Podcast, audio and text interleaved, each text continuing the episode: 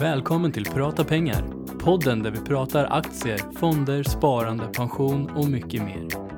Här kommer Unga Aktiesparares VD Filip Koltze och investeraren Niklas Andersson.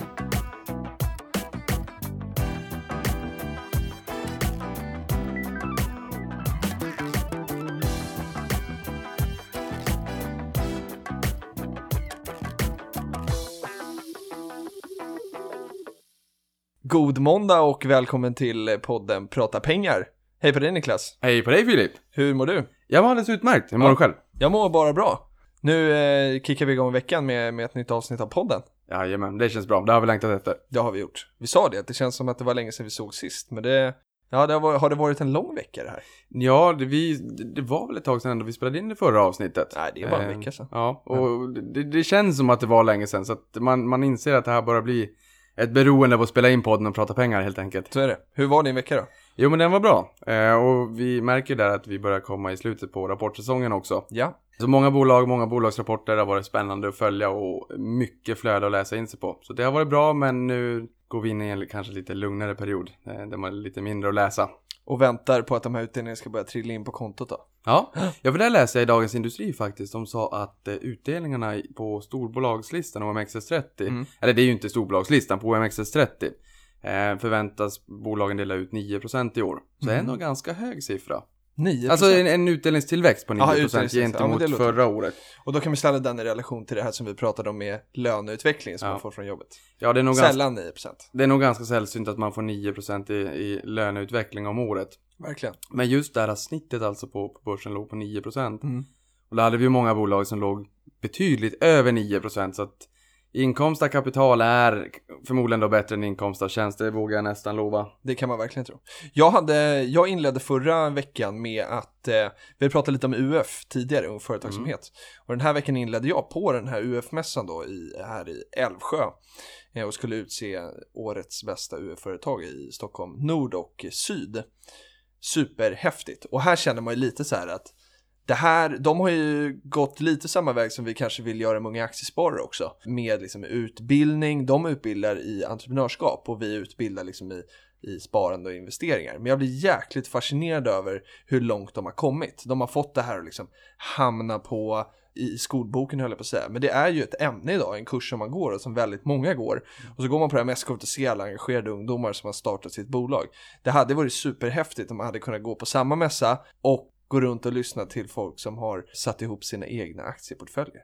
Ja, för det blir ju lite grann så här, två sidor av samma mynt. Dels entreprenörsdelen, men sen även eh, delen med, aktiesidan, Mm. aktiesparandet och, finansieringsbiten. För Precis. det behövs ju både finansiärer och entreprenörer. Ja, Och, och där är lite kul, kul till att börja med att de har kommit så långt där. Eh, men sen finns det ju en utbildning även på, på gymnasiet just aktiekunskap. Det- Och där ska jag, eh, det kanske behövs mer. Men, men där jag gick faktiskt den. Gjorde du det? Jag tror att den var 50 poäng eller vad det var. Ja, det var 50 ganska, poäng. För en ung aktiesparare så var ju den kursen ett, ett, eh, klart MVG som det var på den tiden. Nu är det väl A eller något sånt där kanske.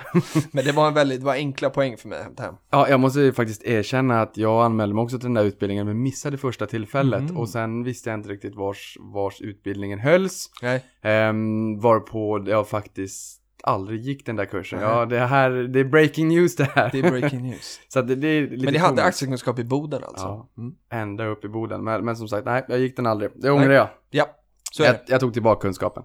Bra. Men nu är det ny vecka och vi pratar lite om vad, om vi, vad vi ska prata om idag. Temat är ju prata pengar som alltid, men då kom vår klippa till klippare Patrik Boström och sa så här. Kan inte, tänk att ni är, är 17 år eh, och så som lyssnar på den här podden och tycker att allting låter liksom jättebra och det där vill man liksom komma igång med. Man kanske tänker vägen till sin första miljon, det kan vara någon form av milstolpe. Var ska man börja någonstans? Och det tyckte du och jag Niklas att det där var ju ett eh, geniämne, eller hur? Mm. Nej, men det, det är ett intressant ämne just med tanke på att tiden och avkastningen verkligen är de två viktigaste faktorerna. Just börja i tid. Exakt. Vad var du när du var 17? Oj! I termer av liksom sparande och investeringar. Ja, jag började nog, började nog med, med vid barnsben när man var liten och tyckte att det var kul med pengar, men då la man ju oftast på hög i, i plånboken. Så att Mm. det var ju inte jättemycket pengar, men 17. Jag började jobba när jag var 14 och då jobbade jag ju för 30 kronor i timmen, där, som jag berättade om, om tidigare. Så att jag hade nog ändå byggt upp ett kapital. Vad kan jag ha byggt upp? Jag hade nog nästan byggt upp mina första 100 000 kronor. Så pass? Ja, det hade jag faktiskt. Men jag kommer ihåg, jag hade dem på Forex på den tiden. För de, Jaha. de hade bäst ränta. Jag var en sån där räntejägare som jagade, jagade Ett sparkonto alltså? Ja, Mm. vanligt sparkonto och jagade just den bästa räntan på sparkonto. Jag kommer ihåg hur länge det tog att komma upp till de där 100 000. Kommer du Eh. ihåg hur mycket ränta man fick på den tiden? Jo, Nu låter det som att det är jättelänge sedan, men det är ju trots allt några år sedan. vad kan det vara? Kan det ha varit en, en 3 procent Ja. eller något sånt där Jag kommer ihåg kanske? att jag fick 4% eller om det var 4,5% på SBAB någon gång. Ja. Och det känns ju som att det var Dackefejden idag. Ja, för där kan man väl säga att det här var ju kanske inte den banken som heller gav den absolut bästa räntan. Jag hittade banker som gav högre ränta sen. Det bästa jag har fått på konto så att Mm. säga var 6,5 procent. Mm. Och det var på Parex, Parex bank. Det var Mhm. en, var det estländsk eller en lettisk bank. Så jag, Okej. har, jag har faktiskt varit med om några smällar också. För det kan ju hända när man har pengar på ett sparkonto så har vi någonting i Sverige som kallas för insättningsgaranti. Ja. Och bankerna som har inlåning, som har liksom, tillåter spararna att sätta in sparpengar där är med i någonting som man kallar för insättningsgarantifonden. Och där man betalar en avgift då. Och det skulle man kunna säga är lite grann som någon typ av försäkring att om institutet går omkull så, så garanterar man att spararna får tillbaka sina pengar. Och det gör att en sparare känner sig mera trygg och vågar sätta in sina pengar i den här banken. Vilket man kanske annars inte skulle ha gjort. Annars hade det blivit någon form av eh, betygssättning på banken och vilken som är den tryggaste banken och vad är en vettig ränta Och det- i förhållande till risken. Och det klarar man ju kanske Nej. som småsparare inte av Nej. och göra den bedömningen själv. Men jag har varit med om tre smällar faktiskt. Ja, där du förlorar rakt av. Nej, eh, jag har inte förlorat. Det har varit insättningsgaranti, men där de har gått omkull. Jaha. Både Parex Bank som Ja. gick omkull och sen Capi Nordic Mhm. och Kaupting. Kaupting också. Kaupting köptes upp av Hur lång tid tog det från att de eh, konkade till att du fick pengar från? Är det Riksgälden som betalar ut då? Mm, ja, vem det är som betalar ut pengarna från sin insättningsgarantifonden, det vågar jag faktiskt inte säga. Men för mig gick det ganska fort. Jag tror att man säger att det ska vara inom tre månader, men, men man får skjuta på det tre månader till. Så jag tror det är inom ett halvår. Men där, där kan vi bara säga, vi hade en lyssnare som hörde av sig till, till mig via mail eh, och som frågade just om, om sparkonton eh, och hade hittat ett exempel där den här personen fick 10% och jag gick in snabbt och liksom kollade och sådär och, och ja, det var nog omöjligt att det var en insättningsgaranti på, Mm. på 10%. Så det, liksom lite sådär, det gäller att, att, att verkligen titta på, har de insättningsgaranti? Och, för då kan man ju känna sig trygg. Men 10% i dagens läge låter ju för bra för att vara sant. Ja, och sen kan det finnas de företagen som inte har inlåning som kärnverksamhet. Nej. Ehm, Men då är det begränsat, då får man inte ha inlåning från allmänheten till högre belopp än 50 000 kronor vill jag minnas att det är. Och det är Okej. det Akelius har. Just det. De erbjuder att man får sätta in en slant pengar till en bättre ränta. Den idag ligger den på 1,5 procent. Mm. Eh, rörliga uttag och lite, lite bättre om man då binder. Men där är det, och de står sig väldigt bra och har stått sig väldigt bra med sina räntor gentemot marknaden i, i, i snitt de Mm. senaste åren. Och det är då därför att de har ingen insättningsgaranti. Och det är för att man inte bedriver den typen av verksamhet. Så även om ett bolag inte har insättningsgaranti så behöver det inte vara dåligt. Men risken är ju, Betydligt högre. den är ju ändå högre Mm. på något sätt. Eh, när, när jag var 17, hur gammal gick man i, vad gick man då? Gymnasiet va? Mm, man börjar väl första året va? Tror jag. Ja, det kanske man gör. 16 Just det. fyllde jag när jag gick i nian. Jag fick nog mina första aktier när jag fyllde 18. Då fick jag Ericsson av mina föräldrar. För de eh, såg att jag hade det här intresset. Så när jag fyllde 18 så fick jag lite Ericsson-aktier. Eh, sålde dem ganska, ganska snabbt. Och sen eh, ett par år senare så fick jag också lite fonder som mina föräldrar hade sparat till mig. Så där, i den åldern, precis som Patrik var inne på här, att vad händer när man är 17 år? Så börjar det väl kanske komma in lite pengar som föräldrarna har sparat åt en eller att man har sommarjobbat och liksom kämpat ihop de här pengarna själv. Så, att- så det är väl en ganska bra åldersgrupp att så här, här är det bra att sätta igång. Ja, du har ju också en väldigt bra ekonomi. Mm. För där gick jag vidare sen. Jag jobbade inte hela mitt liv för 30 kronor i timmen. Nej, Utan jag började jobba heltid på kvällstid under gymnasietiden. Och det gjorde ju också att jag fick in en bra slant pengar varje månad som jag satte majoriteten av den där slanten på börsen. Och började spara över tid. Men jag fick inte upp ögonen för börsen förrän jag egentligen då tack vare att jag jobbade heltid vid, sidan av studierna fick orangea kuvertet. Mm. Ehm, där jag skulle pla- placera en del av mina pengar då i premiepensionen. Och kom ihåg hur okunnig jag var och hur Ja, jag visste inte alls hur jag skulle bete mig. Nej. Och det var där någonstans jag insåg att jag hade redan intresset för pengar. Mm. Men pengarna låg egentligen på hög. Och där fick jag upp ögonen för att det finns andra sätt att få pengarna att förränta sig bättre. Då den här kunskapen om aktiemarknaden hade inte funnits ända upp till Norrbotten som, som Stockholm för din del. Nej, eh, men där någonstans började intresset spira. Mm. Och på den vägen är det helt enkelt. det. Men när kan man, hur gammal var du när du klev in på börsen då första gången? Första gången på börsen, det var nog i, i 16-årsåldern. Ja, det var 16, okej. Ja. Mm. Så att inte purung i, i den bemärkelsen Nej. egentligen. Eh, Och jag tror att där kan man, där hade jag nog önskat, jag menar, jag sparade alltid pengar när jag var liten och sålde Mm. jultidningar och allt vad det var och la de där pengarna på hög. Så att jag hade alltid en, en bra slant pengar i förhållande till min ålder som jag hade sparat ihop själv. Men just vetskapen om börsen kom först senare då i och med att jag då fick det orangea kuvertet själv. Så att där tror jag vi har ett väldigt viktigt jobb att göra just inom unga aktiesparare. Att Verkligen. öppna ögonen och visa att det finns alternativ. Ja. För hade jag fått upp ögonen för det här tidigare Då hade jag nog förmodligen börjat med börsen ännu tidigare Ja. Och då hade du kanske haft ännu mer pengar var Ja, Ja, så kan det vara. Och någonstans så är det liksom dit vi vill komma. Eh, och jag, jag upplevde ett problem att när man pratar med, med de som är i den åldern så, så kommer de ofta med liksom motargumentet varför de inte sparar i att de inte har pengar. Någonstans i den här åldern får man ju kanske ett studiebidrag, 1000 kronor eller någonting sånt där. Eh, man kanske sommarjobbar, någonting sånt. Kanske även här då att man ska tänka på den här liksom 90-regeln eller 10-regeln. Att lev på 90% av din inkomst och försök spara 10.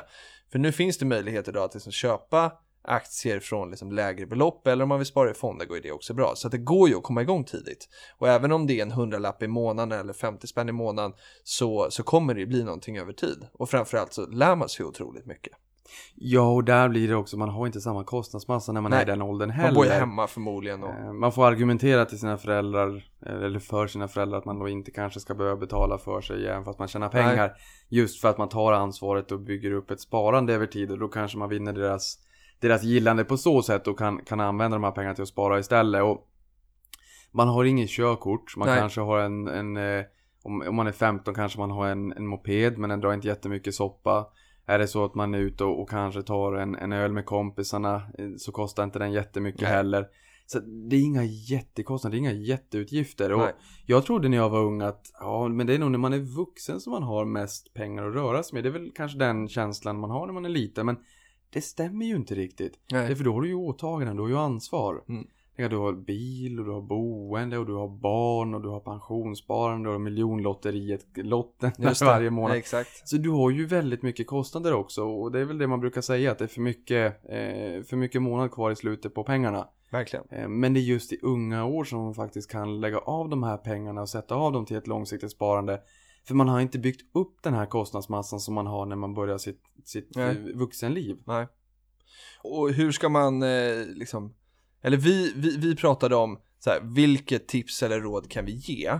Eh, liksom, om man är då 17 år. Och det första rådet vi vill ge, det är ju i så fall att bli medlem i Unga Aktiesparare. Mm. För de första 275 kronorna kommer hjälpa dig enormt mycket på vägen.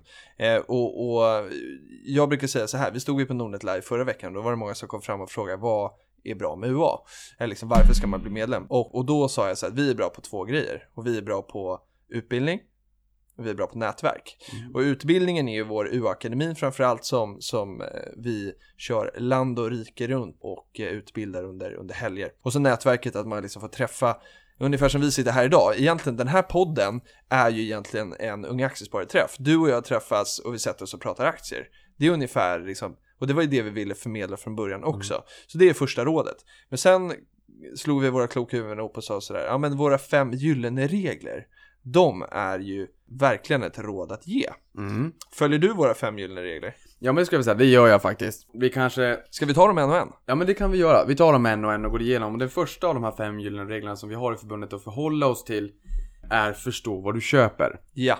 Vad Men- betyder det då? Och det, innan vi går in på vad det betyder. Ja. Det första medskicket jag vill göra där, vi har ju ung, ungdomar som lyssnar på det här, men Mm. vi vet ju att vi även har vuxna Ja, individer. absolut. Och det absolut första tipset där är ju att försöka få dem att intressera sina ungdomar där hemma för sparande och ekonomi. Mm. Och det är inte fel att sätta av en slant pengar till de här ungdomarna vid sidan av månadspengen. Där man säger att det här ska gå till ett långsiktigt sparande. Sen så låter man barnen vara med i beslutstagandet.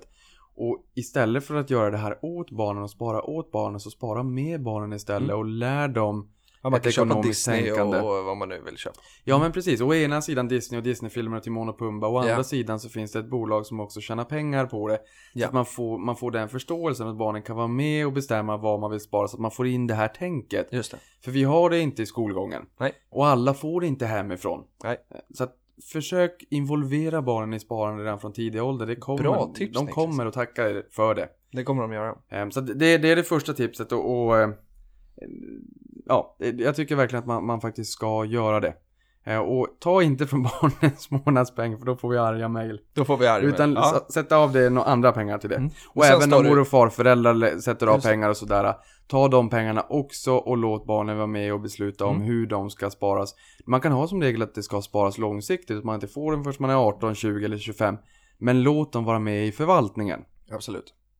Ja. Men första då, förstå vad du köper. Mm. Vad betyder det? Ja men förstå vad du köper. Förstå, på börsen kan du köpa allt från fonder till aktier till räntepapper och här pratar vi då främst om, om aktier. Mm. Och förstå vad det är för någonting. Mm. Det finns många bolag och bolagsnamn där ute där man inte kanske förstår riktigt vad bolaget gör för någonting. Så att första viktiga är att när du väl köper en aktie, förstå vad de gör. För, förstå vad det är för företag, vad det är för affärsmodell, hur de tjänar pengar. Eh, och hur du kommer att tjäna pengar på den här investeringen. Så förstå va- vart du placerar slantarna. Mm. På samma sätt som man gärna vill veta att det är en bra bank man sätter in slantarna på om man har ett vanligt sparkonto. Eller på samma sätt som att man vill veta att det är en bra produkt man, man. Mm. köper när man går och handlar någonting på stan.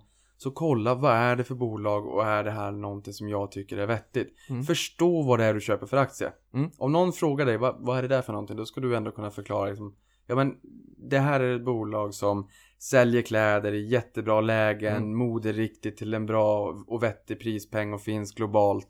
Man kanske vet Ehm. vem ägaren är, ledningen och Ja. så. Och sen har vi tidigare pratat om det här med de liksom, fundamentala värdena. Och ing- tycker du att det ingår i det här, förstå vad du köper? Att, att om jag frågar dig om eh, Tomra som du har pratat om tidigare. Ska du liksom vara, kunna vara beredd att svara på vad deras vinstmarginal är och i snitt på fem år, omsättningstillväxt på tio år och sådär. Ingår det i det här begreppet eller, eller räcker det med att så här, hålla sig till det du pratade om innan för att känna så här, nu kan jag bocka av och förstå vad du köper?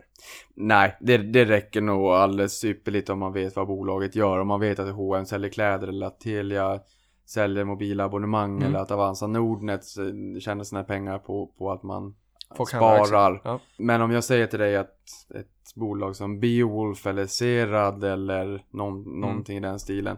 ehm, jag vet knappt själv vad de gör.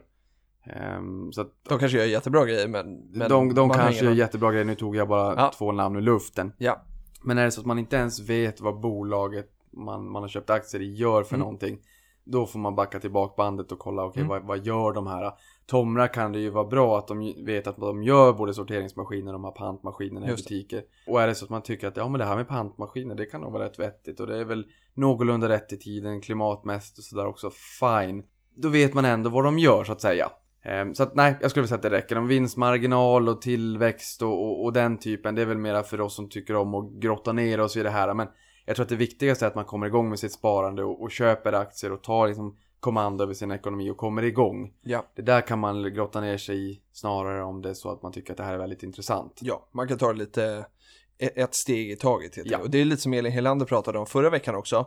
Att framförallt för tjejerna som, som kanske vill sitta på hela informationen innan man är, liksom vågar ta steget. Mm. Eh, och, och killarna är lite bättre på att kanske bara så här, kasta sig ut och köpa någonting de inte förstår. En liten mellanväg där är väl bra, bra att gå då. Ja, nej men och, och jag tror att det är viktigt att belysa det där också att det behöver inte vara mer djuplodat än så utan Nej.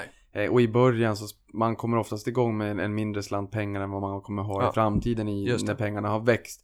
Så att är det så att man gör misstag, ja men gör dem idag och Man lär lär dig av misstagen. Både du och jag har ju gjort misstag. Man gör massor av misstag och man lär sig, det är när man lär sig av misstagen som man växer både Mm. som person och investerare.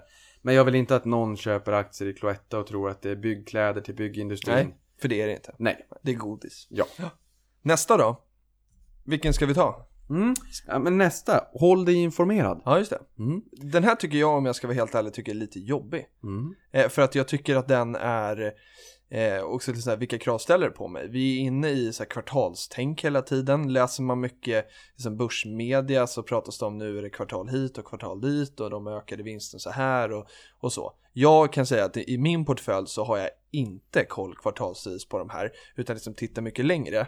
Och det kanske ska hänga ihop med, med hur lång en sparhorisont är också. Eh, för jag kan få frågor ibland från folk om, om bolag som jag har eh, som, och att jag förväntas veta så här, okej, okay, ICA nu som jag har till exempel i, i min portfölj. Hur, eh, hur var den här siffran nu på deras rapport som kom i onsdags? Och det är inte alltid som jag har koll på det. Nej, och är där, det tokigt? Nej, det ska jag inte säga tokigt. Det är väl mera sunt kanske. Eh, vi tycker nog om att ha mer koll på, på våra aktier som vi har i portföljen mm. än vad gemene man i Sverige har. Ja.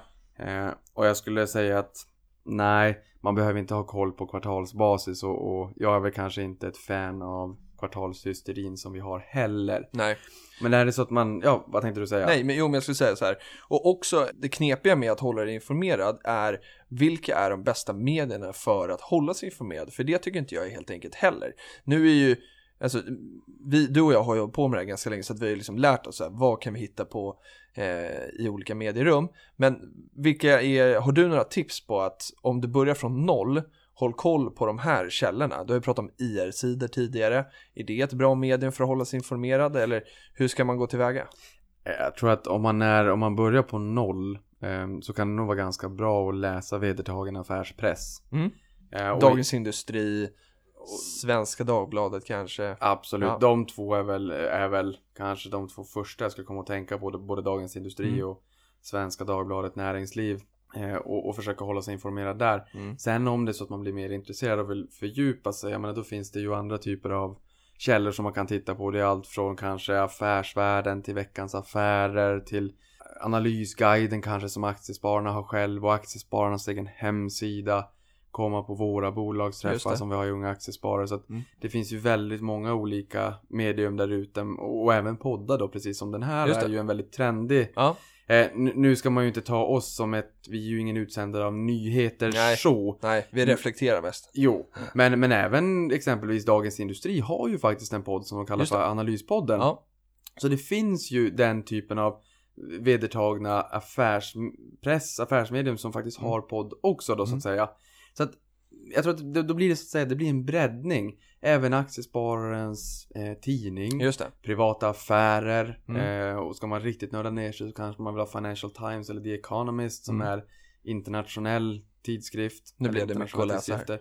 Så man ser liksom hur man, hur man betar sig ner längre och längre ner i det här börsträsket ju mer intresserad man blir.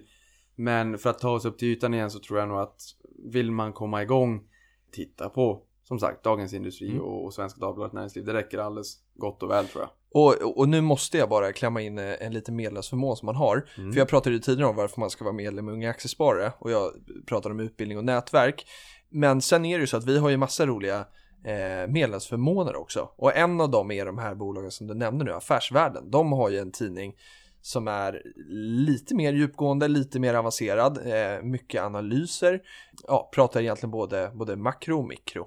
Och en sån årsprenumeration kostar 4000 för en vanlig dödlig. Är man ung aktiesparare så betalar man 795 kronor på ett år. Och då får man 40 stycken nummer på ett år och så får man också tillgång till den digitala utgåvan. Det är, är ett bra sätt att liksom testa och komma igång vad det här är ett medium för mig. Mm. Ja, och det är en väldigt bra förmån. Det är en väldigt bra förmån. Och det är en väldigt bra tidning också. Där kan man, jag tror där Som kommer ut veckovis ju. Som kommer ut mm. veckovis. Och där likväl som, som både SvD och då eh, Dagens Industri så är det ett bra sätt att lära sig mer. Just genom att läsa. Och se hur de skriver, se hur man skriver analyserna. För de skriver ju aktieanalyser de här tidningarna. Yes. Se hur de tänker, se hur de lägger upp det. Och ett, ett tips som jag har där, som jag brukade göra tidigare och, och även numera förvisso det är att ni, oavsett vad jag läser, eh, jag läser från vitt och brett till höger och vänster, men när jag läser någonting som är bra, eh, och när jag säger någonting som är bra är det kanske en, en, definition eller en förklaring på någonting som jag tycker, ah, det där var klockrent. Då skriver jag ner det. Bra. Och sen kan jag reflektera över det vid ett senare tillfälle. Ja. Så att jag bygger min egen form av utbildning, mitt eget dokument med väldigt viktig och bra information som jag, som jag inhämtar från olika ställen. Eh, och det kan man göra med här, exempelvis då eh, affärsvärlden. affärsvärlden. Och där har de ju en rolig sida där i slutet som är väldigt uppskattad, det är ju börsgolvet. Just det. Berätta om den. Eh, det där, vad ska man säga? Det är lite skvaller från börsvärlden. Eh, skrivet på ett roligt sätt. Mm. Så den rekommenderar jag. Det är väldigt många som brukar bläddra längst bak i affärsvärlden och börja där. Läsa den först. Läsa den först. Den är skriven väldigt roligt. Man skulle kunna tro att den personen som skriver det här har suttit som en liten kanariefågel på, på ak- över axeln. Mm. Ute på en restaurang när, när börsfolket har pratat om det senaste och trendigaste ut där ute i börsvärlden. Just det. Väldigt roligt skrivet. Kul. Och är man då, vill man ta del av den här medlemsförmånen så behöver man alltså vara medlem i Aktiesparare och sen loggar man in på vår hemsida när man är medlem och sen eh, kan man beställa den medlemsförmånen. Mm. Vi går vidare på nästa gyllene regel och vi har betat av förstå vad du köper och håll dig informerad. Ska vi gå in på spara regelbundet kanske? Ja, men innan vi går in på spara regelbundet. För nu kommer jag på en sak. Du sa det här att hålla sig informerad Ja. kvartalsvis, att Mm. det kan vara lite jobbigt. Det räcker ju egentligen med att om det nu är så att man äger aktier då i Cloetta exempelvis. Ja. Kolla lite grann, vad säger dina kompisar när de ska köpa godis? Vad köper de för godis? Ja. Hur, vad får man för exponering? Vad får här godis för exponering i butiken? Mm. Ser du din Cloettas godis i Ja, butikerna? Annars Ser kan det man gå och hänga fram det då. Om man... Ja, ja men ser det slafsigt ut Ja. eller ser det välfyllt ut? Personen framför dig i butiken i kön, vad, vad köper hon eller han för godis? Eller H&M, där Mm. de brukar ju ha lite samarbeten med olika designers. Just det. Och det brukar vara lite roligt ibland när man släpper det där. Jag vet de hade Jimmy Choo, nu vet Ja. inte om jag uttalar namnet rätt. Men Något skomärke va? Ja, nej, någon, han är någon designer. Ja, jag, jag Jag låter det vara osagt, jag är dålig på det där. Ja, ja. Påsarna här, när de släppte det här samarbetet, de var lila. Mm. Och det var alldeles fantastiskt kul att gå på stan och se alla lila hm påsar Ah, ja, För det ja, blir så här, ja. man får en syns. känsla för om det trendar eller inte. Ja. Gå in i butiken, när du är på en hm butik om du satt och hm aktier Mm. Är det mycket rea? Mm. Eller är det väldigt, eller är det, Är det mycket folk i är butiken? det mycket folk i butiken? Är de trevliga? Ja men precis, Service? sånt där säger mycket. Ja, för, för till syvende och sist så är det ju försäljningen som kommer styra det här eh, liksom till slut och hur Mm. aktien går i den liksom längsta förlängningen någonstans. Ja. Och om inte Cloettas Ahlgrens bilar hänger på hyllan, om inte personalen på H&M är trevlig eller att det är mycket folk i köpcentrumet som kan vara vilka som helst, eh, då kommer det inte bli bra för aktien heller. Nej, nej, och det säger Så man väldigt kanske mycket. inte ska krångla till det så mycket. Nej, och är det så att du brukar handla väldigt mycket på ICA tidigare men Mm. någon anledning har börjat handla på, på Axfood och Ja. Willys istället och du känner att ja, men det- mina kompisar gör också samma Mm. sak. Mm. Ta en funderare där, varför gör jag så här? Just det. Jag äger aktier i ICA då säger vi, jag äger faktiskt inga aktier i ICA. Nej. Eh, men så att man äger aktier i ICA och sen så börjar man handla på Willys istället. Varför gör man det? Är det för att butiken är närmare? Eller är det för att Ja, det är bättre utbud? Eller är det Billigare någonting pris. annat? Eller billigare Mm. pris? Eller är det någonting annat som gör att du har bytt butik? Och varför i sådana fall? Och tror du att det där kan vara något som påverkar många andra också? Nej, sen är det bara en butik av många i Sverige, men det där gäller samma sak egentligen när det gäller Apple. Man, man trodde liksom att nu blir det jättebra här när, när iPhone 5 kom för att man har lärt sig att de var pionjärer och nästan skämde bort marknaden och sen Sen vart det inte så bra. Det kändes inte så bra. Och aktien föll från 700 ner till 400. Det här Ja. var innan man delade då så att man fick sju nya aktier och aktien stod i 100 dollar. Man, från 700 dollar så gjorde man en, en eh, split då. Mm. Ehm, eh, 7 till 1 kallar man det för 7 kolon 1. Och det här är, en gång i tiden har jag lärt mig att man 7 kolon 1 man tar liksom sju nya per en gammal. Man kan tänka nygammal vals. Nygammal Eh, vals. nygammal vals är en sån där eh, minnes eh, ramsa Okej. som jag lärde mig en gång i tiden. Och den Så det till vänster det är nya och det andra är gamla. Den, ja, Mm. så 7 kolon Bra. 1. Man skriver alltid på det sättet. Ja. Och 7 kolon 1 i Apples fall betyder att det är sju nya aktier per en gammal. Ja. Så 700 dollar för en aktie blir 100 dollar. Men då får du sju aktier istället. Just det. Så det är lika mycket pengar, det är lika mycket värde, men det blir sju gånger som fler aktier och en sjundedel av värdet helt enkelt. Och anledningen till att man gör sådana här splittar brukar ju vara för att bolaget vill att det ska vara liksom tillgängligt för flera. För om en aktie kostar 700 dollar så är, liksom, håller det många fler borta än om det kostar 100 dollar. Ja, ja det, blir- det finns någon, någon form av gyllene pris på en aktie för att ha en optimal omsättning i aktien. Och vad det är för nivå, det har jag ingen aning om, men... Det är inte Berkshire Hathaway-nivå i alla fall. Nej man, man, nej, man kan ju ta alltså två motpoler egentligen. Jag tror inget bolag egentligen vill ha en, en öresaktie som kostar 1, 2, 3, 5, 10 öre. Det, många investerare drar öronen åt sig och tycker att någonting är konstigt. Ja. Eh, om man tittar lite närmare, det, det, är, det är inte roligt att ha en aktie som bara kostar några ören. Då brukar man göra en omvänd split. Just det. Då, då eh, säger man... 2-1 då. Ja men precis. Nej, 1-2, förlåt. Eh, ja, 1-2 precis. Ny gammal ny, vals då. Jo. Mm. Då får du en ny aktie per Mm. två gamla. Och det innebär att man halverar antalet aktier men dubblerar värdet per aktie. Så fortfarande samma pengar. Men man, man, tar bort, man minskar antalet aktier och skriver upp värdet per... Eller skriver upp, det gör man ju inte, utan det görs ju av sig självt helt Ja. enkelt. Men det innebär att en aktie som handlades i 40 öre tidigare nu kommer handlas i 80 öre. Eh, så det är ena sidan, man vill inte ha en aktie som, som kostar alldeles för lite. Och det här står nog inte i någon form av eh, litteratur att så är fallet och att det här är skolboksexempel. Men Nej. i praktiken så är det så. Ja. Och sen vill du inte ha en aktie som är alldeles för dyr heller. Du nämnde Berkshire Hathaway, Warren Buffetts bolag där den kostar över 200 000 dollar då, A-aktien. Och han ville ju inte att man skulle sälja utan han ville Nej. att man skulle vara långsiktig i de här aktierna. Och om en aktie kostar 200 000 dollar, ja men då blir det ju inte en jätteomsättning. För, Nej. men man har ju inte råd Nej. med 200 000 dollar och, och, och köpa och sälja så. Men det finns en B-aktie också som är betydligt billigare. Ja, Mm. och, och det kom en B-aktie, eh, en, A-aktie och en B-aktie. En B-aktie har ju en tiondel av rösträtten då. Eh, Så att man behöver rösträttsmässigt på en, en eh, årsstämma Mm. så behöver man 10 B-aktier för att ha motsvarande röstvärde som en A-aktie har. Sen finns det C-aktier också men de får inte ges ut sen 1950. Är det Bland SEB Okej. har ju en, en C-aktie. Ja, huvudstaden har väl också. Ja, en utan- tusendel är det. Men vet vi att det är så i Berkshires eh, fall att det är 10 B på en A? Ja, det är 10, B-aktie- ja, det är 10 B på en A. Är det? Ja, det är det. 10 B på en A. För B-aktien kostar väl betydligt mindre än en? Röstvärdet. Okej, bara, Bara röstvärdet. Okej. Mm. För, för sen blir det eh, 10 B på en A. Och anledningen till varför det blev så där var för att det var en fond Ja, som gick in och köpte upp en massa A-aktier. Och sen kunde man köpa fondandelar i den här fonden så att du egentligen teoretiskt sett... Ja, du fick exponering mot Berkshire Hathaway och du fick en fraktion av en Just det. A-aktie. Och då tyckte han, nej, det här, så här ska det inte vara. Och då gav de ut B-aktier då istället som var Smart. 700 kronor någonting kostar de. Något sånt. Jo.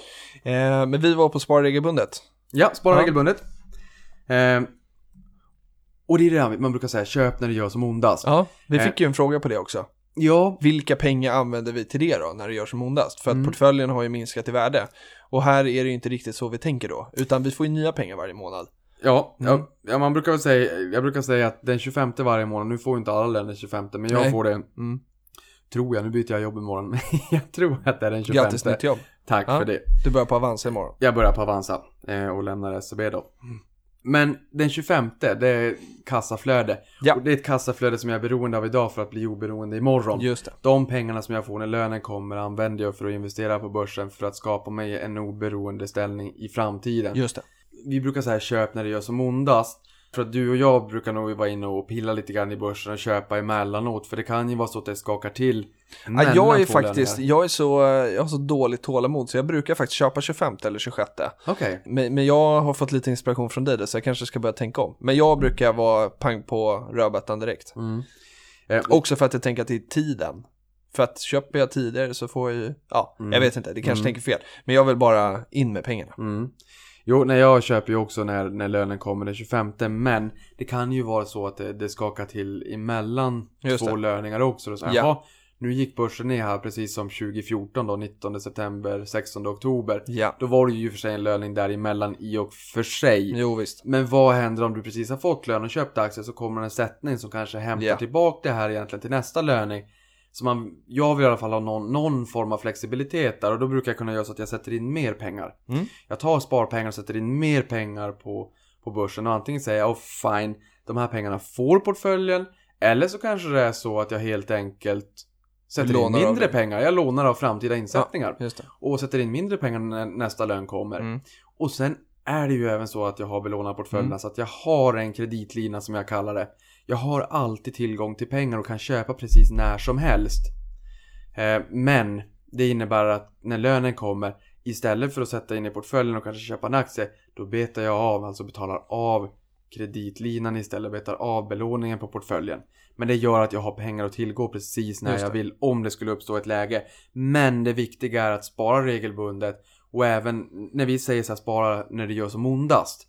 Då kanske det är så att om man då får lön den 25 oktober säger vi och sen har oktober varit en fantastiskt dålig månad. Mm. Ja men vänta inte till november när, när till det vänder så nej men nu har det gått ner väldigt mycket, jag vill se att det vänder innan. Nej, sätt av ditt månadssparande den månaden också. Ja. Köp när det gör som månad så att man inte skippar att spara vissa månader när lönen kommer bara för att det har gått ner. Nej. men, Verkligen inte. men, men jag går så långt och kan köpa flera gånger Under månaden. under månaden som är extraordinära eh, sparanden Mm. under månaden om det skakar till. Och jag använder ju också belåning och vi kan ju säga att det här, för mig var, var det inte helt liksom, enkelt att komma igång med. Jag har alltid varit väldigt eh, skeptisk mot eh, både kreditkort och liksom att, ja, med belåning överhuvudtaget. Eh, tills jag började tänka att det här, min portfölj är inte min ekonomi utan det är liksom, ja men som vi har pratat tidigare om, som du också inspirerat mig kring, att det är ett eget bolag egentligen. Och, och sen liksom ska drivas på väldigt lång sikt. Vi kan också säga att nästa regel är att spara långsiktigt. Och då tänker jag så här att för mig att spara långsiktigt är Ja, det är ju bortom 10 år, det är bortom 20 år, det kanske är till pensionen till och med och då är vi uppe i nästan 40 år.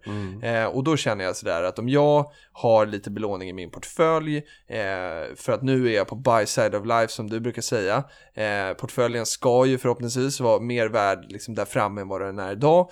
Eh, och i och med att det är så långsiktigt så kan jag liksom höja upp den här risken lite grann. Men Eh, det gäller ju att vara enormt försiktig med det här och för aktier i sig är ju enormt hög risk. Så att man måste ju veta vad man håller på med. Jag blir alldeles jättelycklig när jag hör att du drar citat från mig. Jag blir alldeles... Ja men det är ju så det är. Jag har lärt mig det där. här. Ja, ja men jag har lärt mig mycket där. Nej, så där tack. Kan, ja, där kan man väl säga också att vi besökte ju AP7, Mm. eh, sjunde AP-fonden som är en, en av de statliga pensionsfonderna. Och de hade ju, nu har man gjort om den här lite grann, eh, mandatet. Sofan, stå, ståtens, statens Ståten. års, Fan, jag blir stockholmare nu. Förvaltningsalternativ. De hade ju tidigare en, en, ett mål om att ha en belåning på 50%. Det vill säga att man har 150% aktier. Ja, Och de argumenterar för att man då ska ha en, en Ja, vad argumenterar de för egentligen? De vill ha en bättre utveckling på Mm. kapitalet och de, i och med att man då är så långsiktiga så kan de tycka att ja, men vi kan ha en belåning så att vi får en bättre utveckling. ja, Eh, Det där har man gjort, bestämt att man ska dra ner lite grann. Okej. Men de som är soffliggare som man brukar kalla det och inte har gjort ett aktivt val i premiepensionen. Det vill säga de 2,5 procenten av 18,5 procent som är den allmänna pensionen och är det orangea kuvertet, eller en del av det orangea kuvertet. som kom i förra veckan. Som kom i förra flesta. veckan. Där har man faktiskt en belåning. Ja. Att, eh, även de har det. Men man ska vara försiktig. Mm. Och där kan man väl säga att Har man inte hållit på med aktier tidigare kanske man ska börja med det. Och så kan man väl liksom låta det här växa in längs vägen. Man Ja. kan testa och sådär. Ja, för lån, jag menar den tidigare generationen, tidigare stammen, våra mor och farföräldrar Mm. kanske och, och ännu längre tillbaka. Då vill man inte låna. Nej, man tyckte Nej. att lån var fult Ja. och det var, det var genant Ja. att, att vara skuldsatt. Mm. Jag ser det inte som skuldsatt, jag, jag kan skuldsätta mig upp till öronen. Eh, om det är så att jag vet att jag kan tjäna pengar på det. Eh, för, för mig handlar det om, om nettotillgångar. Mm. Jag tittar på balansomslutningen, Mm. det vill säga hur mycket tillgångar har jag. Ja, Och sen tittar jag på hur är tillgångarna finansierade, precis som ett bolag. Ja. Och det är ju som jag har sagt tidigare, att jag sköter min portfölj som ett bolag.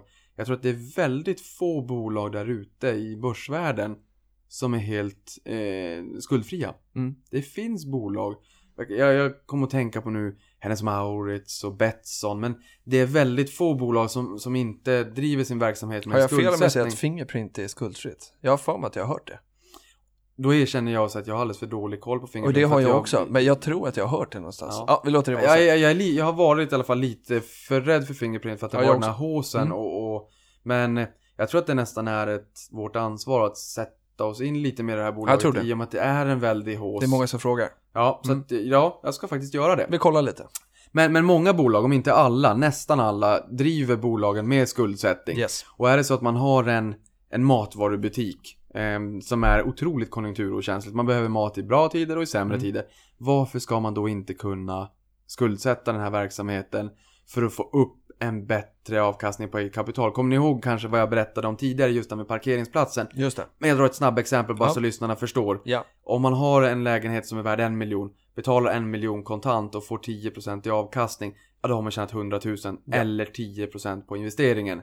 Men om man köper en lägenhet för en miljon, sätter in 500 000 kronor själv och lånar Mm. 500 000 Mm. kronor, då har man fortfarande en tillgång för en miljon. Man har köpt Exakt. tillgången men man har lånat hälften. Ja.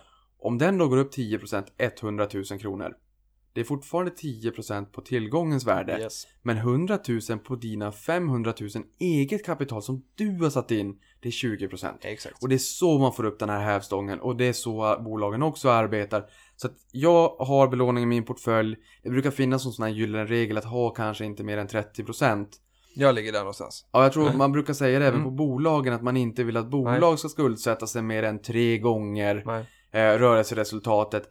För att om ett bolag, det är, det är egentligen som en privatperson. Mm. Om ett bolag har en omsättning på 100 kronor och har skuldsatt sig eh, 30 kronor säger vi. Ja, då är det ju 30%.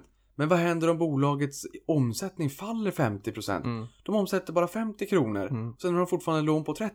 Ja, Ja, det är 60%. just det. Man, man inser ganska snabbt att en skuldsättning i ett bolag är lite mera eh, farlig materia. För om bolaget verkligen får en sämre tider och omsättning, alltså försäljningen sjunker, då kan det bli ganska jobbigt att bära de här Mm. lånen. Det är väl ovanligt att vi som privatpersoner halverar vår inkomst, men det kan ju faktiskt Det hända. kan hända. Så det är därför det är också viktigt som vi har varit inne på förut att man har Man liksom ett buffertsparande och så. Eh, men, och det här leder oss ju osökt in på den sista regeln som är att sprida risken. Mm. Vad betyder det för dig? För mig betyder det att inte ha bolag som verkar i samma bransch. Att man, är, man försöker, ibland brukar vissa personer säga till mig att ah, men nu har jag hittat ett fantastiskt bolag. Det, det finns ingenting dåligt med det här bolaget. Redan det är väl kanske ett tecken på att man, man ska grotta ner sig lite mer. För alla bolag har ju både styrkor och svagheter. Men man ska inte sätta alla slantar i ett och samma bolag. För tänk om det är så att man har hittat ett fantastiskt flygbolag och sen sticker oljepriset upp till rekordnivåer vi aldrig har sett. Ja, då blir det ju jobbigt. Ja. Istället för att hitta ett fantastiskt bolag så försöker jag hitta ett gäng fantastiska bolag. Men inom varje bransch istället. Och där kan vi säga i en portfölj, ska det vara, är det mellan 10 och 15 bolag brukar väl vara någon allmän Ja. eh, liksom. Aktiespararen brukar ju säga det, någonstans 10 till 15 Ja. bolag. Att det är en Sprida i ganska olika bra, branscher. Ja, Mm. det är en ganska bra nivå. Ja. Och sen kanske man inte heller då bara ska ha, ja inte ett bolag att man bara har ett flygbolag då som tycker att det är lite jobbigt när oljepriset sticker ner. Men då behöver du kanske inte som, som bolag nummer två ta in Lundin Petroleum. För det innebär ju att. Nej, precis. det blir ju liksom om oljepriset sticker upp, det är jobbigt för flygbolaget men bra för oljebolaget. Och om det, en aktie går upp och en går Men ner. inte det bra? Ja, det blir ju ganska, ganska noll då. Jo, men alltså, man, vill man ha bolag som är korrelerade? Ja, du vill ju inte nu ha... kommer vi in på lite överkurs här. Men... Ja, men du vill ju inte ha bolag som har en direkt negativ korrelation, en perfekt Nej, negativ nej, korrelation. nej, nej, nej, om, är om oljepriset går upp en krona. Men det är en hedge. Ja men det kan det vara. Ja. Man kan skydda portföljen Ja. lite grann om man då tar in exempelvis ett flygbolag och tycker att ah, jag är inte helt bekväm med det, det här bolaget och exponeringen mot oljepriset och hur den påverkan det får på bolagets lönsamhet och intjäning. Ja då kanske man kan ta in ett oljebolag Just. också men det är ju ingen ren hedge. I sådana fall nej. kanske man ska köpa någon form av värdepapper, ett certifikat som följer oljeprisutvecklingen. Men, men det du säger egentligen är att man på något sätt försöker ta ner risken genom att ta in bolag som Inte Eh, korrelerade. Ja, men precis. Mm. Det skulle kunna vara. Och ska man, tycker man att fonder eh, passar eh, bättre att investera i så kan vi säga att fonder ofta redan har ju en ganska stor portfölj. Så man kanske inte behöver 10-12 fonder eller 10-15 som vi sa. Nej. Utan fonder är ju lite safeare där. Ja, för fonder brukar ha, en riktigt smal fond kanske har 20-25 bolag och en, en, en stor fond kanske har 120 bolag. Så att redan där är man långt över de nivåerna aktiespararna pratar om. Exakt. Det var Mm. våra gyllene regler Niklas. Mm, ja men det var det. Inte så tokigt. Jag brukar faktiskt kolla på de här ibland och reflektera över dem och, så här, och tänka till, följer jag verkligen de här? Eh, och jag skulle ljuga om jag sa att jag alltid gjorde det. För att man, även om man har hållit på med det här ett tag så behöver man faktiskt påminnas om att, att eh, ja men liksom, håll det till planen. Mm. Ja, och just det där med, med att sprida risken och hitta fantastiska bolag i olika branscher, det tycker jag är, det, det, det är ett bra medskick. Så är det. Vi ska börja avrunda.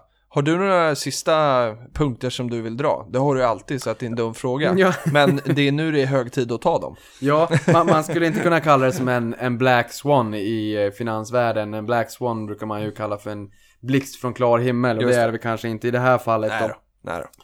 Eh, Men några som jag har, det är, vi pratade här tidigare om rapportsäsongen. Jag brukar säga att det är regnperiod eller monsunperiod, det regnar pengar. Ja. Eh, Och vi har snart fått höra boksluten från de flesta bolagen då. Vi har stängt Q4, alltså det fjärde kvartalet. De börjar rapportera, vi börjar få in årsredovisningar, vi börjar få in kallelse till årsstämmer.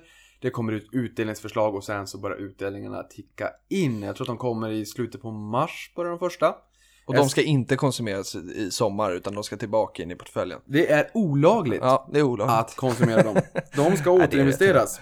De ska återinvesteras för att få, för att verkligen känna på den här riktiga ränta på ränta Just det. effekten. För det är en enorm Mer om det utveckling. i tidigare avsnitt. Så att ja, tänk Mm. på det att om ni konsumerar utdelningen så kostar det en oerhört stor slant. Ja, Men det jag vill säga där är att även våra vänner i Amerika på andra sidan pölen har ju, har ju haft rapportperiod. Ja. Och Coca-Cola, de höjde utdelningen för 54 året i rad. imponerande. Det är ganska vanligt i USA att man har kvartalsvis utbetalning och lika så Mm. för Coca-Cola då.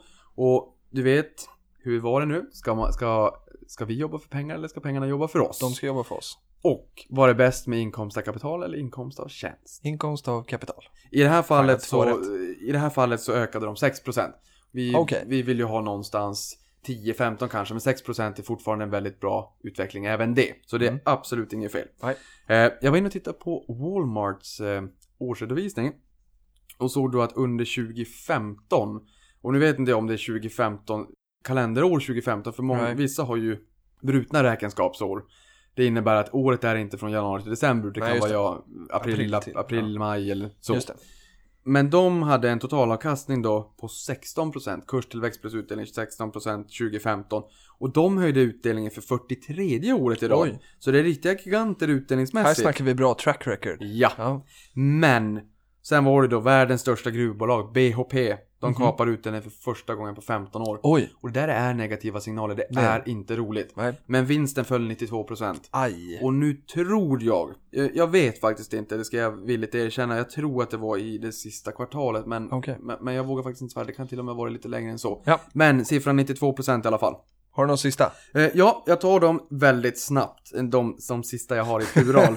eh, Volvo. Jag såg en siffra tidigare att Volvo sålde mer grävmaskiner under en enskild månad 2011 än vad man gjorde under hela året 2015.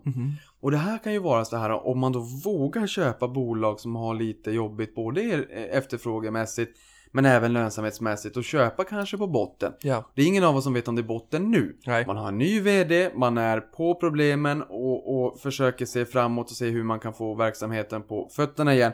Jag har ingen aning, Nej. men det är ganska rolig reflektion att ehm, det, det är det finns mycket att göra och när efterfrågan kommer så är det som ebb och flod och kanske floden kommer. Så kan det vara. Eh, nu är vi nästan klar. Men jag såg Japan. Mm. Vi kom ju in i negativt territorium räntemässigt 2015. Ja. Japan kom in där redan i oktober 2014. Mhm. Och negativa räntor innebär ju egentligen att man får betalt för att låna. Eh, och det kanske i, i börsvärlden, eller i ränt... Det blir ju börsvärlden. Och men, man får betala för att spara, kan man säga så? Ja. Ja, Ja, det blir ju så. ja det blir Eh, så. och, och, och på något sätt så, så kanske en, en eh, jag ska inte säga i efter kölvattnet av finanskrisen men, men vi såg tidigare en, eh, en rusning till safe havens, alltså Mm. trygga hamnar. Nu tror jag inte riktigt att det är det det handlar om nu. Utan nu handlar det om att man har en extremt eh, expansiv penningpolitik. Men Japan har fått betalt 464 miljoner dollar Mm. sen oktober 2014 för att låna pengar och det tyckte jag var lite fascinerande. Vi var in på det där förra gången just om att det är många pensionsstiftelser och pensionsbolag som eh, köper Ja, räntepapper och det är din och min framtida pension. Ja.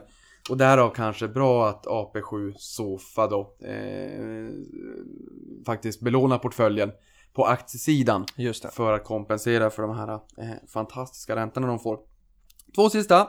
Min YouTube-lista. Mm. Kommer ni ihåg YouTube-listan? Jajamensan. Eh, som jag Det blev ett pratade med? jäkla snack på den. Ja, det blev det. Ja, Ja. för jag tänkte så här, jag brukar alltid försöka hitta såna här videos. Jag, jag, jag älskar det. Ja. Eh, Men jag tänkte, jag måste ju dela med mig av det här. Bra. Så att jag la ihop olika informationsklipp om en, två, tre, fyra Mm. minuter ibland per bolag. Yes. Och försöker bygga en stor lista där, så man kan ha det som en playlista på YouTube. Och vi länkade den i senaste avsnittet va? Ja, det Ja. gjorde vi. Och titta på dem där, för då kan man få upp ögonen för bolag som man kanske all, aldrig annars hade tittat på. Nej. Och just nu, eh, i talande stund, är jag uppe i 163 bolag. Jäklar. Eh, Jag kan tycka att det hade varit roligt med 1000. Det är ju väldigt mastigt om man ser det inte på en gång, men det hade varit lite häftigt. Regelbundet och långsiktigt. Men vi sa 10 till 15 bolag. så att vi har 163 bolag. Vi har alltså 10 gånger fler bolag än vad man, man kan ha i en optimal Ja. portfölj. Så in och titta, Ja. för det, jag tycker själv att det är ganska spännande. Ja. Har du bara tagit bolagen du gillar nu här? Nej, Nej. Nej. jag, har tagit, jag har faktiskt eh, lagt in både Sverige, Norge, Finland, Danmark, USA Och sen har jag lagt in ett helt gäng även från Europa. Okej. Och där tittade jag på, i USA tittade jag på Dow Jones. Yes. Jag ska titta Nasdaq också, jag har tittat på S&P 500 och i Europa har jag tittat främst på Eurostox 50. Yes. Som, eh, för att få inspiration om, om vilka bolag jag ska lägga in på listan. Men den fortsätter att öka. Kul. Den absolut sista. Absolut sista. Vet du hur många flaskor Carlsberg sålde per dag 2011? Nej, men jag vet att jag sålde aktien i fredags. Ja. Eh, Ingen aning. 100 miljoner flaskor om dagen. 100 miljoner flaskor om dagen? Ja. Du tycker inte jag skulle sålt alltså? Nej, det är rätt fa- Jo, men det är rätt, det är rätt fascinerande. Det är väldigt mycket. Men jag fick ju höra att du har sålt för att köpa något ännu mer spännande. Så att Jag även om köpte en, Apple istället. ja, Ja, eller jag fyllde på Apple. så även om en häst springer snabbt så kan det finnas andra hästar som springer snabbare. Så, kan även om en aktie är bra så kanske det finns andra som är bättre. Så kan det vara. Och, och där kan vi säga då i, i Förstå vad du köper. Eh, så jag hade ju inte den informationen utan gick lite med på magkänsla här. Eh, jag vet inte om det är en moralisk fråga med öl också. Kan det vara det? Ja, både ja och nej. Det, det kan vara en moralisk fråga både, både när det kommer till alkohol men även Ja, när det kommer till spelbolag. Men det ska vi inte ta nu, för där har du en jättelång utläggning. Ska Ja, vi spara det? Det här med mora, moral och etik. Det ska vi göra. Det enda jag Ja, vill säga det är att medicin är ju samma sak. Medicin kan, kan förändra och förbättra livet för miljontals människor, men felaktigt utnyttjat så kan det påverka Ja. drogberoende. Så det finns två sidor av allt. det finns alltid två sidor Yes. av allt. Men vi ska prata lite mer sånt i kommande avsnitt. Mm. Det ska vi göra. Tack så jättemycket för idag Niklas och tack till dig också Patrik. Du är, en klippa. Par klippa. På klippa, klippa, klippa. Trevlig måndag och bra start på veckan så hörs vi på Twitter under hashtaggen prata pengar. Tack för oss. Hej då! Hej!